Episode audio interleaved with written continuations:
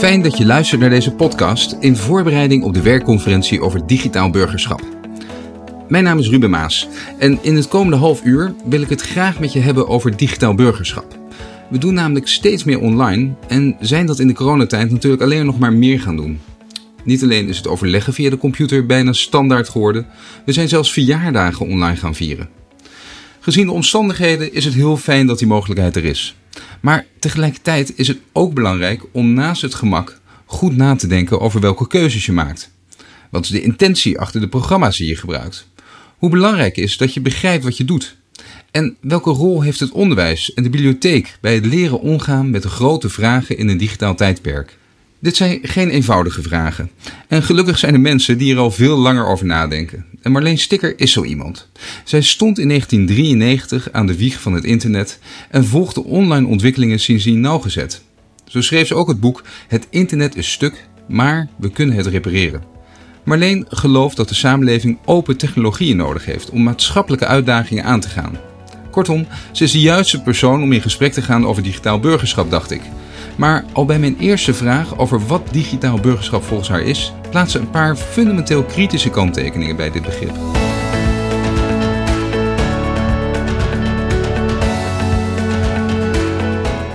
Ja, dan begint met de vraag wat burgerschap eigenlijk is. Omdat uh, digitaal eraan vastgeknoopt is als een soort nieuwe vorm van burgerschap. En dat begrip burgerschap vind ik altijd zelf heel problematisch. Omdat het um, eigenlijk steeds mensen definieert in hun relatie tot de overheid. En, um, daar begint ook vaak al iets mis te gaan. Um, de overheid ziet steeds die burgers die dan ergens uh, ja, iets mee moeten doen met wat de overheid doet. Zeg maar, dat is een beetje het beeld. Uh, de overheid doet dat allemaal voor ons. En wij burgers moeten dan de capaciteiten hebben om daar aan deel te kunnen nemen. En ik denk dat het eigenlijk anders ligt. En dat, dat heb ik mede ontleend ook aan Cenk Willings verhaal van, van een maatschappelijke democratie. Burgers vormen samen een samenleving. En, um, en we kiezen uit ons midden een overheid die voor ons werkt. Dus eigenlijk zou die relatie heel anders gedefinieerd moeten worden. He, snapt de overheid wat, wat wij in de samenleving aan het doen zijn? En wat is de kracht van dat maatschappelijk initiatief? Uh, dat hebben we 30 jaar lang op zijn beloop gelaten. Door eigenlijk de overheid is gaan uh, alleen maar in publiek-private partnerships gaan denken. En loopt voortdurend via de markt. En zoekt zijn oplossingen via de markt. Ik denk als het gaat over burgerschap, dan zou ik het in eerste instantie willen zien als het versterken van het maatschappelijk initiatief. Het collectieve actie, het, het kunnen organiseren van jezelf, van, van, van de eigen maatschappelijke initiatieven. En dat betekent dus niet zozeer dat je dan gaat zoeken naar de skills om met de overheid te communiceren. Wat, wat de hele tijd daarop gericht is. De overheid heeft allerlei digitale platforms en vraagt van jou DigiD en heeft van alles. En dan wordt er gezegd van, nou burger, we gaan je nou leren om met ons te communiceren. En ik zou liever zien dat we zeggen, we gaan investeren in het maatschappelijk initiatief. In, in de geletterdheid en de digitale tools en gereedschappen in de samenleving, voor de samenleving. En um, dan zou je eerder misschien daarna kunnen zeggen, overheid leer eens met, uh, met het maatschappelijk initiatief te praten. Wat je nodig hebt om nu uh, in deze setting, zeg maar, deze situatie, jezelf te kunnen organiseren, is inderdaad digitale gereedschappen. En kennis over die digitale gereedschappen. En dat is niet zozeer alleen hoe kan ik ze gebruiken, hoe kan ik zorgen dat ik me bescherm, of hoe kan ik zorgen. Dat zijn eigenlijk allemaal. Dat zou, dat zou eigenlijk niet eens de vraag moeten zijn. Als je, als, je de, als je naar de supermarkt gaat, dan weet je dat er voedselveiligheid is. Als je een restaurant binnenstapt, dan weet je uh, dat, dat er allerlei regels zijn om te zorgen dat het voedsel wat daar opgediend wordt veilig is. Dus het is helemaal absurd eigenlijk dat wij allerlei skills en gereedschappen individueel moeten gaan leren om te zorgen dat als wij digitale services gebruiken, dat, uh, dat wij onszelf dan beschermen. We zitten in een rare, je zou kunnen zeggen, zitten in een rare tussenfase. Als je het meest optimistische scenario, hè, want ik ben heel erg van we kunnen het repareren, maar uh, dan moet er nog wel heel veel gebeuren. Dus een, uh, we hebben een overheid om een aantal dingen te regelen die voor ons alle collectief van belang zijn. En regels op te stellen en, en een rechtsstaat te, te, te, te zorgen dat die, dat die functioneert. Dat, op het digitale vlak hebben ze alles op, op, op zijn beloop gelaten. Ze zijn nu pas eigenlijk weer regels aan het instellen. Dus het zou vanzelfsprekend moeten zijn dat als je een app downloadt uit een app store, dat dat een veilige app is. Allereerst betekent dat, je, dat we herkennen wat burgerschap is. Daarom begin ik daar. Want digitaal is daar een afgeleide van. En als je, als je, dat, als je dus niet goed definieert wat burgers, burgerschap is, of wat, en als je nog in een, in een ander perspectief opereert, dan ga je dus ook die digitalisering ervan op een andere manier zien. En dat is het narratief waar we in zitten. Dus als ik ook kijk naar de plannen van. Uh, op zich fantastisch dat we een staatssecretaris digitale zaken hebben. Ik heb al met haar gesproken. Het is iemand die zeker uh, zeer. Uh, ja, echt meteen al echt in het, in het thema stapt. thema's goed definieert ook. Maar als ik kijk naar hoe daar de, geldstroom gaat, dan is het investeren in de overheid digitaliseerd.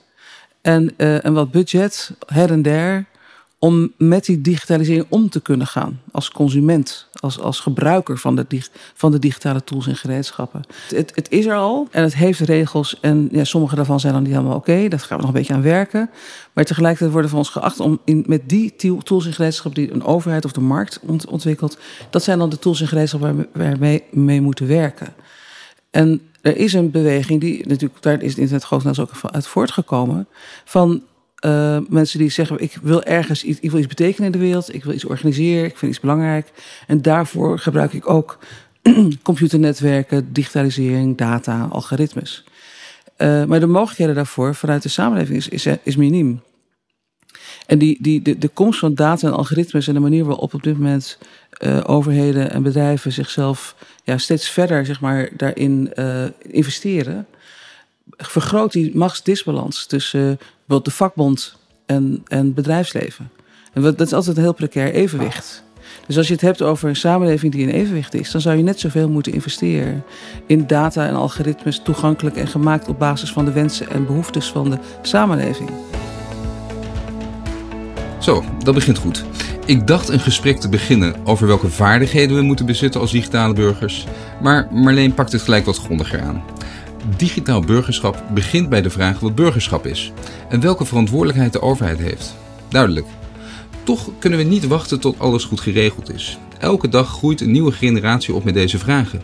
Wat te doen? Wat ik zeg is dat je moet zorgen dat um, op school je niet zozeer verteld wordt over hoe je Facebook wel of niet gebruikt. Ik, ik zeg niet dat dat niet, niet het gebeurt al, hè, maar uh, hoe je zelf iets bouwt en hoe je iets maakt. Uh, hoe meet je. Wij, wij zijn heel betrokken bij citizen science. Dus hoe kun je zorgen dat mensen zelf in staat zijn om hun omgeving in kaart te brengen? Uh, welke tools en gereedschappen heb je daarvoor nodig? Wat, wat, is data dan als je dat uh, over CO2 of fijnstof, waterkwaliteit? Dat, dat zou fantastisch lesmateriaal zijn overigens. Probeer een vierkante kilometer in je buurt in kaart te brengen. Definieer welke data dan relevant is en wat betekent dat dan? Dus dat je zelf de producent wordt in plaats van alleen maar te, te, te horen hoe je dan om moet gaan met wat er al is. En, en we, we hebben een. De komende generaties, maar dat geldt ook voor mensen die nu in de 30 of 40 of 50 zijn. We hebben nogal een opdracht. Het is, onze toekomst is nogal, uh, staat nogal op, op scherp. En als we de systemen blijven houden zoals die zijn, dan weten we nu al dat we, door de, door, hè, over, dat, dat we niet die, die transitie doormaken die nodig is die transitie die nodig is, betekent dat mensen veel actiever betrokken zijn in het mee ontwerpen, voor de toekomst. Dus ik zou heel graag willen dat jongeren uh, in, op school uh, niet zozeer mediawijs worden, maar makerwijs of uh, kritische maker in staat zijn om bij te kunnen dragen aan wat we nodig hebben en hoe die tools en gereedschappen, digitaal of anders, het kan ook ook biotechnologie zijn, het kan andere technologieën zijn, dat je in staat bent om te begrijpen wat we wel en niet nodig hebben, dat je onderscheidend vermogen hebt. Zoals ik eerder vertelde, schreef Marleen het boek Het internet is stuk, maar we kunnen het repareren. En in dat repareren zit wel iets moois. Dat gaat over knutselen en maken. Iets wat je niet zo snel koppelt aan een digitale wereld. Toch is dat volgens Marleen juist heel belangrijk. Iets zelf kunnen maken. De technologie zoals wij die kennen, wordt door heel veel mensen als een black box ervaren. Als, uh, of, echt letterlijk uh, wordt het onmogelijk gemaakt om het te repareren. Omdat het verlijmd is. Dus de vroegere computers die, die kwamen gewoon met uh, elementen die kon je zelf in elkaar zetten. En voor de goede verstaan, degene die dat wou, kon begrijpen wat erin zat. Als je nu een telefoon gebruikt, of een van de gadgets, dan zelfs als je, als je een schroevendraaier zou weten te pakken krijgen die de juiste uh, kop heeft. Want daar hebben ze ook al goed over nagedacht. Dat je die niet altijd in huis hebt. Dan nog uh, maak je hem eigenlijk kapot op het moment dat je hem overschroeft. Ja, bovendien is je garantie verlopen. Ja. Dus, het is, dus, dus je wordt, in alles wordt gezegd, uh, blijf van dit ding af. En, en dat er automatische updates zijn, is eigenlijk ook heel merkwaardig. Want daardoor kan, het, kan de functie van het apparaat veranderen. En kan het dingen die het daarvoor niet deed. Maar goed, we weten inmiddels dat de terms and conditions onleesbaar zijn. En, en niemand, iedereen gewoon consent geeft. Uh, en niemand echt checkt of dit wel oké is, de updates. Dus dat is een, het is een raar, raar dat we dat toestaan überhaupt in onze huiskamers en in onze zak, in onze, in onze, uh, onze, in onze handen en in ons leven. Het idee dat het niet kunnen repareren van, van je, de producten die je gebruikt, uh, dat dat, en de tools en gereedschappen, dat dat een vooruitgang is. Ik denk dat, kijk, sowieso qua e-waste is het een absolute achteruitgang. Qua uh, duurzaamheid is het gigantisch achter. Dus we gooien die dingen ook voortdurend weg. Uh, waar, waar heel kostbare materialen in zitten, waar ook allerlei arbeidsomstandigheden zijn geweest waarin het is geproduceerd. Dus we zijn wat dat betreft, uh, als het gaat over fair, zeg maar, in de zin van fair ketens, in de zin van grondstoffen, arbeid, milieueffecten, dan is de weg die we nu hebben, nu bewandelen, is volslagen onhoudbaar. Het is zelfs onze Biden heeft zelfs opgeroepen tot de right to repair. Dat is een beweging heel, heel lang. Het recht om te kunnen repareren betekent ook dat je toegang hebt tot je eigen object, de dingen die je zelf gekocht hebt. Het feit dat um, er gemak in zit, uh, dat betekent nog niet dat dat niet ook gemakkelijk zou kunnen zijn. Zolang je altijd maar de mogelijkheid hebt, als jij zelf denkt: ik wil dit kunnen repareren, dat je er ergens naartoe kan gaan of dat jij het zelf kan doen. We hebben nu bijvoorbeeld in, in, in de landbouw werken boeren met tractoren die ze zelf niet meer kunnen repareren, waar ze alleen maar licentie hebben op de software. Dat levert enorme problemen op en grote afhankelijkheden ook. Hoge, hogere kosten, want zo'n zo'n vracht, zo'n zo'n tractor moet helemaal versleept worden naar een plek waar men dan wel uh, de reparatie kan uitvoeren. Maar het hele idee van je eigenaarschap, je afhankelijkheden die er ontstaan. Um, is, is, is uiteindelijk ook heel slecht voor economische modellen. Dus betekent dat dat ook al iedereen die zo'n apparaat gebruikt, uh, afhankelijk is van het systeem daarachter. Wat mij betreft gaat het over zelfredzaamheid of, of uh, handelingsperspectief. Um, en daar hoort ook het begrip eigenaarschap niet per se dat het altijd het individuele eigenaarschap moet zijn. Het kan ook collectief eigenaarschap zijn. Maar wel uh, dat je daarin een, een, soeverein bent. Dus dat jij zelf keuzes kunt maken. En dat je niet afhankelijk bent van een partij die onzichtbaar is, die je niet kent. Waarvan je, die zich vaak niet aan het Nederlands-Europese recht houdt. Die geen belasting hier betaalt. Die dus eigenlijk alleen maar profiteert van het feit dat wij zelf helemaal geen rechten daarin hebben. Die ons ook terms and conditions uh, oplegt waar we alleen maar consent op kunnen zeggen, omdat we anders niet mee kunnen doen met, uh, met, met, met anderen. Dus ik denk dat, dat die, die setting waar we nu in zitten, is een hele ongezonde setting. Zowel voor individuen, maar ook voor bedrijven, het MKB. Wat, wat, wat afhankelijk raakt van allerlei platforms waar ze zelf helemaal geen informatie meer over hun klanten hebben. Hun eigen reputatie niet meer kunnen, of niet meer, daar geen vat op hebben steden die bij God niet weten wat voor software en technologie er allemaal in hun stad is. Waardoor er allerlei data uit die stad getrokken wordt waar ze eigenlijk op zouden moeten letten. En staten die ook een groot deel van hun strategische autonomie aan het kwijtraken zijn. Dit had voorkomen kunnen worden als wat al begin in, in begin jaren 90, begin, midden jaren 80 al geformuleerd is rondom computernetwerken, überhaupt rondom computers en digitalisering. Dat technologie een uitdrukking van macht is. En dat je dus ook in die zin niet kan zien als zomaar een, een iets waar je. Uh, het is niet een consumentenproduct uh, of slechts een tool. de manier, de, degene die technologie in handen heeft en die ook definieert, die, die definieert er ook mee een nieuwe machtspositie, een nieuwe, een nieuwe balans daarin. En vaak slaat hij dus door, en dat hebben we afgelopen 30 jaar laten gebeuren, in, in grote monopolies, afhankelijkheden die je niet zou willen hebben. En helaas ook uh, zowel overheden als bedrijven die over de grenzen heen gaan van wat je van ze in een rechtsstaat zou mogen toestaan. Oké, okay. langzaam beginnen een beetje de moed in de schoenen te zakken. We zijn nu al aanbeland bij bedrijven en overheden die de grenzen van de rechtsstaat overschrijden. Is er dan niets aan te doen? Nou, je kan onderdeel worden van de beweging die zorgt dat dit verandert. Dat is, en dat is heel, zeer aantrekkelijk, heel leuk om daarbij te zijn. Er zit ook heel veel bedrijvigheid. Dus ik zou sowieso op scholen zorgen dat leerlingen leren wat uh, free en open software is. Uh, wat, hoe, hoe, je, hoe je daaraan bij aan kunt sluiten. De right to repair. Het leren repareren ook. Je hebt nu een nieuwe laptop die heet de Framework Computer. Dat is een open laptop. bij de bij ons is ooit Fairphone ontstaan. Nou, alleen al te begrijpen hoe Fairphone werkt als case, dan snap je ook hoe de, hoe de grondstoffen werken. Wat voor een, dat, het niet, dat, dat er een fysieke component is en effect is van, van, van digitalisering. Er is een heel mooi project, Anatomy of AI, is een mooi kunstproject, maar ook heel mooi onderzoek, waar ze een Alexa helemaal uit elkaar halen, maar ook helemaal doorgronden waar het vandaan komt, wat er allemaal mee speelt. In de zin van wat er nodig is. Om, als jij roept. Play me some blues of turn on the light. Dat je dan begrijpt wat dat hele systeem erachter is. En ik, je kan bijdragen aan, aan die beweging die zorgt dat dat wel kan. Je ziet heel veel goede voorbeelden. Je ziet uh, Nextcloud in plaats van Google Cloud, Brave in plaats van Google, in plaats van de browsers. Dus je, je kan heel goed Signal in plaats van WhatsApp. En dan kan je goed uitleggen waarom het een anders is dan het ander. En daarnaast, en ik denk dat, dat, dat daar, daar hoop ik wel op, maar dat, dat is zeker onderdeel, denk ik, van, van, wat je, van wat goed is om te begrijpen, is wat er in Europa aan wetgeving komt. Maar de, de, begin, beginpunt is dat je begrijpt dat data niet objectief is, bijvoorbeeld. En dat is, een heel, dat is eigenlijk veel meer een cultureel gesprek. Is, is eigenlijk meer een filosofisch gesprek. Uh, we hebben meetinstrumenten, daar maken we data mee.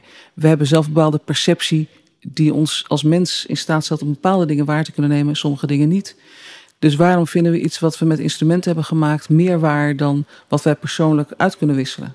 Waarom stellen we artificiële intelligentie op een hoger plan dan emotionele intelligentie? Dat soort gesprekken horen er ook bij. Dus het is, het is veel meer een humanities programma. Die zich vertaalt ook naar en of een veel meer ook het vraagstuk van wat is rechtsstaat, wat is burger. Dus, dus dieper die discussie in, om dan vervolgens te zeggen, hoe wil je dan dat die digitalisering vorm moet krijgen? En, dat, en dan, dan zet je mensen uh, in, in, een, in een positie dat zij dat mee kunnen nemen in de komende uh, tientallen jaren. Terwijl als je ze alleen maar als consument van hoe ga ik, hoe ga ik mijn DigiD gebruiken, uh, het probleem van desinformatie. Desinformatie, je kan mensen uitleggen wat dark patterns zijn, wat de mechanismen zijn van die modellen van de platforms. Maar een goed gesprek voeren, waar je je niet aangevallen voelt en meteen iemand uh, zelf ook verwensingen toe, toe, toestuurt. Wat is een goed gesprek online? Dus het zijn ook eigenlijk ook allerlei vaardigheden die echt veel meer gaan over je sociale emotionele intelligentie. Dan um, of ik weet uh, op welke knopje ik wel of niet moet klikken. Gemak dient de mens. Waarom zelf iets maken als het al bestaat? Dat is toch vaak ingewikkelder en duurder. Maar ook met dit argument maakt Marleen korte metten. Nou, duur is dan de vraag wat is duur uh, en, wat is kostbaar. Dus uh, wij hebben gemerkt dat als we fossiele brandstoffen blijven gebruiken, dan hebben we geen planeet meer over tientallen jaar. Dus de vraag is ook in dit geval, wat, wat geef je op? Dus als je je strategische autonomie als land opgeeft omdat je met de verkeerde partij in zee gaat, of als je als individu je, je, je, je soevereiniteit en je, en je zelfbeschikking kwijt bent, wat, heb je, wat, wat is dan duur? En ik denk inderdaad uit, uit, deels uit gemakzucht, deels uit bezuinigings- en efficiëntiedenken, wat dan hele korte termijn efficiënt denken is, hebben heel veel uh, organisaties dan maar gekozen voor de gemakkelijke weg. Het outsourcen, lost het maar op voor ons. En niet gekeken wat ze, voor, wat ze daarvoor hebben opgegeven. Dus de uitruil is, niet, uh, is op de lange termijn niet houdbaar. Het is gewoon letterlijk het is gewoon niet houdbaar. Uh, ons, onze, de, de, de, positie die je nodig hebt om over je eigen leven te kunnen beschikken. Of over je eigen stad, of je eigen wijk, of over je eigen land. Dat is niet te verenigen met de afhankelijkheid die we hebben van de platforms nu. En de, manier waarop die ook eh, extractie toepassen. Dus die waarde wegnemen en mensen steeds verder in een, in, in, in een rabbit hole uh, duwen.